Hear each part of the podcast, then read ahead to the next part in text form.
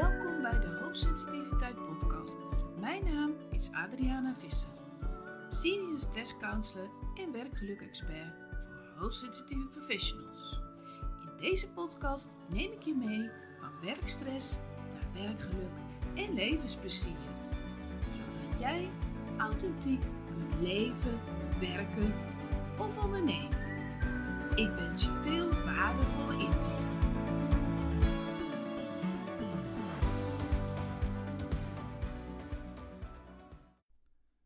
Vorige keer heb ik de harde werken besproken.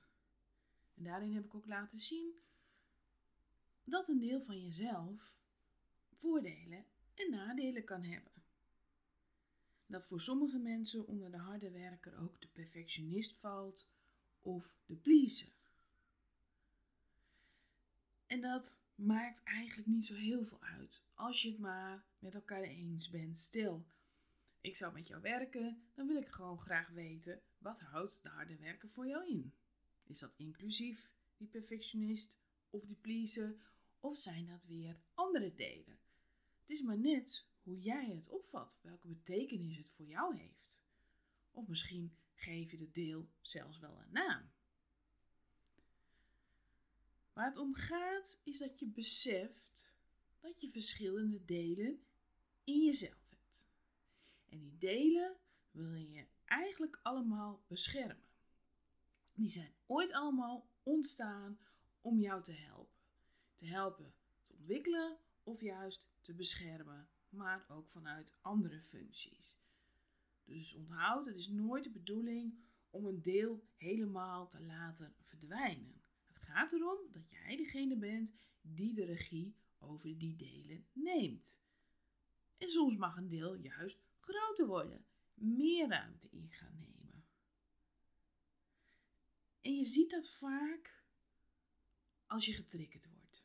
Als je ergens door getriggerd wordt, komt een bepaald deel heel erg naar voren en een ander misschien te weinig. Zodra je getriggerd wordt, is het interessant om te kijken welk deel reageert hier nu. En is dat helpend op dit moment of zou ik dat graag anders willen hebben? Dus stel, het is erg druk op je werk. En jouw perfectionistisch deel is heel groot. Maar het is erg druk. Dus het is jouw kwaliteit dat je perfect werk aflevert. Je bent heel precies. Je bent heel nauwkeurig. Je mist niets. Je loopt alles bij langs. En ik hoop ook echt voor je dat die kwaliteit gezien en gewaardeerd wordt. Alleen als de werkdruk hoger wordt, als te weinig personeel is of er is gewoon te veel werk, dan kun je die standaard niet aan blijven houden. En het is niet zo dat als het niet 100, 200 procent is, dat het dan niet meer goed is. Maar je mag dan vaak leren, het mag minder. Want anders krijg jij de rekening gepresenteerd. Jij kunt er tenslotte niks aan doen dat er veel meer werk gekomen is. Of dat er te weinig personeel is. En dan voel je vaak een conflict in jezelf. Ja, ik wil perfect werk afleveren. Vraag je dan af, mag dat ten koste van jezelf zijn? Als je dan heel erg die innerlijke strijd voelt dan is het tijd om aan de slag te gaan met de perfectionist. Als die zegt: nee, dit kan niet, dit is onmogelijk, het moet nog steeds allemaal perfect zijn. het is dan ook interessant om te onderzoeken: hoe zit dat nou precies? Komt het nou echt vanuit mezelf? Dat ik vind dat ik alles perfect moet doen? Omdat ik dat noodzakelijk vind? Of heeft het misschien mee te maken dat ik niet wil dat anderen het afkeuren. Dat anderen vinden dat de kwaliteit te laag is. En dat het zelfs doorgetrokken wordt naar mijn persoon, waardoor ik me afgewezen voel. Want ook bij de perfectionist speelt vaak die afwijzingsgevoeligheid. Ik moet het perfect doen. Want dan word ik ook gezien, gehoord, gewaardeerd. En dan is het dus belangrijk om te onderzoeken wat is hier onderliggend aan? Waarom is die perfectionist zo groot geworden? Wat probeert hij voor jou te doen, te regelen? Hoe probeert dat deel jou te beschermen? Zoals je merkt, ik kan heel moeilijk de regie over dat deel weer nemen. Dan zit er vaak onderliggend iets achter. En dan is dat belangrijk dat dat onderzocht wordt. Dus het is natuurlijk ontzettend mooi dat jij heel veel ziet, voelt, hoort, opmerkt. Maar daardoor kun je soms ook het gevoel hebben dat jij het allemaal moet doen, omdat je alles opmerkt. En daar zie ik steeds weer mensen in vastlopen. Want alles wat je opmerkt, kun je niet iets mee doen. Dat is zoveel dat het te veel wordt. Dus dan moet je keuzes gaan maken, prioriteiten stellen. Wat is op dit moment nu echt het meest belangrijk? En ook al laten collega's het liggen, merken zij het niet op of ze merken het wel op, maar ze doen er niets mee. Jij kunt niet alles overnemen. Jij kunt niet alles controleren. Want dat zie je ook vaak terug bij, pardon, bij perfectionisme. Dat geeft controle. Dat geeft een gevoel van veiligheid. Als ik maar alles perfect doe, dan komt het goed. En dan is dus de vraag: waar komt dat vandaan? Ben je altijd al zo geweest? Of heb je dat thuis geleerd? Of heb je het ontwikkeld in een periode waarin je weinig controle ervoor? Dus het onderliggende stuk waarvoor je innerlijk werk doet, is essentieel. Anders kun je de stress op je werk niet verminderen. Dan leer je jezelf wat trucjes aan, maar van binnen is nog steeds die onrust, die stress en die strijd aan de gang tussen al die delen. Een ander deel wat ik al benoemde is de pleaser. Dat kunnen verschillende delen zijn. Iemand die graag pleest, die dus de belangen van de anderen voorop stelt en graag aardig gevonden wil worden daardoor en met zijn grenzen schuift, hoeft niet altijd een perfectionist te zijn.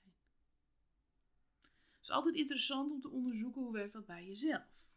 Of misschien herken je deze delen wel helemaal niet. Dat kan ook. Het zijn alleen voorbeelden die ik heel vaak terugzie in mijn praktijk. Dus als jij altijd alles goed wilt doen voor de ander, dan zou inderdaad uit voort kunnen komen dat je ook vindt dat het perfect moet. Even het bruggetje tussen beide delen. Het hoeft niet, het kan. Pleasen heeft vaak ook weer te maken met afwijzingsgevoeligheid. Als ik niet doe wat anderen leuk vinden, fijn vinden, wat zij nodig hebben, dan word ik afgewezen. Er zit vaak dan een diepere angst onder. Ik heb ooit wel eens gezegd in andere afleveringen: het is zelfs eigenlijk een primaire angst. De angst voor afwijzing is eigenlijk de angst om niet te overleven. Als je afgewezen wordt, ben je niet meer veilig. Dan hoor je niet meer bij de groep, dan word je uitgestoten. En vroeger kon dat je leven kosten. Dus het is echt heel primair. Het gaat om overleven voor je gevoel. Dus het is nogal beladen. Daarnaast speelt ook weer dat jij zo duidelijk voelt en ziet en hoort en ervaart wat de ander nodig heeft. En er is bijna altijd wel een reden waarom jij die ander dat geeft. Zelfs al doe je het niet eens, omdat je denkt: ik word afgewezen. Nee, het komt bij jou binnen alsof het jouw verlangen is. Alsof het jouw energie is. Alsof het jouw behoefte is. Dus je moet ook heel erg goed leren om daarin grenzen te ervaren. En dat is niet alleen in je hoofd, zo van ja, maar dat wil jij, maar wil ik dat wel? Het is ook echt voelen van ja, maar wat ik hier nu voel, is dit van mij of is dit van de ander? Want als het van de ander is en het overspoelt jou, dan kan het voelen alsof het van jou is, alsof jij dat helemaal wilt. En daarom adviseer ik ook altijd: zeg nooit meteen ja. Zorg eerst dat je weer helemaal in je eigen energie komt, dat je de tijd neemt en dan gaat voelen, gaat ervaren: wil ik dit echt wel?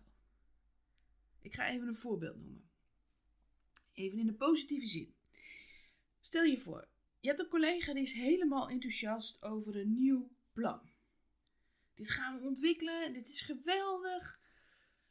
Helemaal zin in. En jij gaat mee in die energie. Eén, omdat je het heerlijk vindt. Nieuwe plannen maken.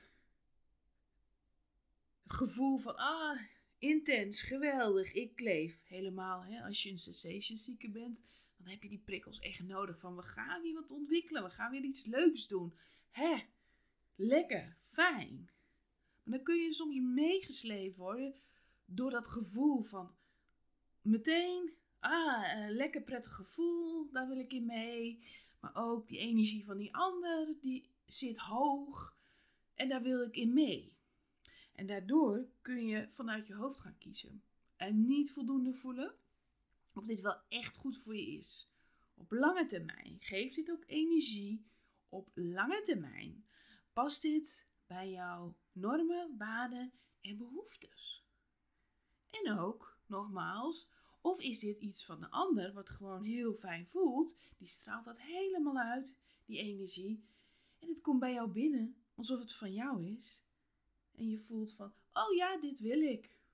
Dus neem altijd de tijd om alleen te zijn en alleen te voelen, te ervaren, is dit ook van mij? Is dit wat ik ook nodig heb? Dus dat speelt ook een rol. Ga maar eens bij jezelf na. Hoe werkt dat bij mij? Herken ik me in die perfectionist? Herken ik me in die pleaser? En ik weet zeker dat jij je sowieso herkent in het feit dat je altijd heel erg voelt wat een ander nodig heeft. En zelfs als die over jouw grenzen heen gaat, je vaak nog een verklaring hebt. Ja, die collega zit privé wel heel moeilijk op dit moment. Dus ja, misschien moet ik die uitbarsting maar gewoon even accepteren. En dat je daarin vergeet dat jij ook behoeftes hebt. Jij wilt ook normaal behandeld worden. Dus kijk hoe werkt dat bij mij. En dat geldt voor allerlei delen. Verdiep je er eens in. Ga eens bewust voelen. Wat wordt er bij mij getriggerd? Waar komt dat vandaan? Wat is hier onderliggend? En al die delen horen gewoon bij jou. Het gaat erom dat je er bewust van wordt en dat jij de regie pakt. Van dit deel mag wel wat meer aandacht en dit deel wel wat minder. Laten we eens vanaf de andere kant bekijken. Stel je voor dat je best wel van jezelf weet dat je wat slordig bent.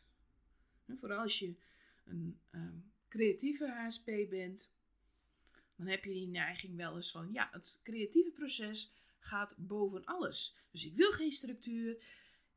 Het moet gewoon allemaal in flow gaan. En dan is het goed, dan is het oké. Maar ja, het kan soms heel handig zijn om iets perfectionistischer daarin te worden, iets preciezer. Dat geeft ook rust in je hoofd, zodat je weet, daar werk ik naartoe. En misschien heb je de perfectionist daarvoor wel wat meer nodig. Misschien mag die juist wel wat groter worden. Dat hij zegt: Oké, het is een mooi idee. En nu, als we dit even preciezer gaan invullen, iets meer details. Het mag wel iets meer helder worden. Je mag er meer structuur in aanbrengen. Want tenslotte is het ook de bedoeling dat jij dit plan gaat inleveren. Dus alleen in een idee, in het gevoel, is niet voldoende. Je mag dit ook omzetten, dit mag echt wel wat preciezer, naar een plan. Dan mag je dus die perfectionist juist wat meer ruimte gaan nemen. Wanneer zou je de pleaser meer in willen zetten? Die vind ik zelf een beetje lastig. Als ik heel eerlijk ben, zie ik eigenlijk steeds dat die vaak te groot is. Maar misschien heb jij er een idee over. Misschien zeg jij van ja, nee, ik mag echt wel wat meer om andere mensen gaan denken. Het zou bijvoorbeeld kunnen dat het een overlevingsstrategie geworden is. Dat je zo vaak gekwetst bent. Dat je denkt, nou, die ander kan zeggen of doen wat hij wil. Ik luister niet meer. En dat je misschien te hard bent geworden. Dat je de behoeftes van anderen, terwijl je ze eigenlijk heel goed aanvult en aanvoelt, wilt loslaten. Zo van nee, ik weet hoe dit werkt, ik moet nu voor mezelf kiezen. Dus wat die ander wil, heb ik niets mee te maken. Dat er ook een angst voor ontstaat. Stel je voor, je hebt een nieuwe relatie. Dat je denkt, nee, ik laat me niet weer ondersneeuwen. Dat is dan weer een onderliggend stuk. Daarom kijk ik altijd naar onderliggende stukken. Want ik raak hier gestrest van. Straks bepaalt die ander weer alles voor mij. Dus wat hij wil, of zij wil, maak me even niet druk om. Het gaat om mij. Ik moet echt om mezelf denken. Dat ging in de vorige relaties steeds fout. Misschien herken je dat. Misschien heb jij een ander voorbeeld. Waar het allemaal omdraait, is bewustwording. Hoe zit dat bij jou? Hoe werkt dat bij jou? Als je nu zegt van, nou ja, ik merk dat ik best wel wat meer van de werkstress naar werkgeluk wil en levensplezier. En ik merk dat die delen bij mij wat bewuster mogen worden. Want ik word daarin vaak getriggerd. Maar het is me niet helder. Ik kom er zelf niet uit. Dan mag je altijd contact met mij opnemen. Er staat een contactformulier op de website. En dan gaan wij in een eerste gesprek eens kijken wat er bij jou speelt en wat jij nodig hebt.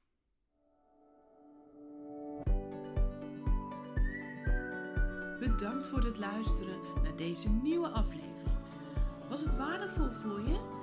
Dan is het interessant om naar deze pagina op mijn website te gaan. adrianavisser.nl slash geluk. Voor als jij wilt weten hoe het is om te kiezen voor jouw levensplezier, werkgeluk of ondernemersvrijheid. Wil je op de hoogte blijven van de afleveringen? Dan kun je je abonneren op de podcast. Tot slot, denk je dat deze podcast ook waardevol is voor anderen? Zou ik het heel fijn vinden als je een positieve review wilt geven. Bedankt en tot de volgende keer.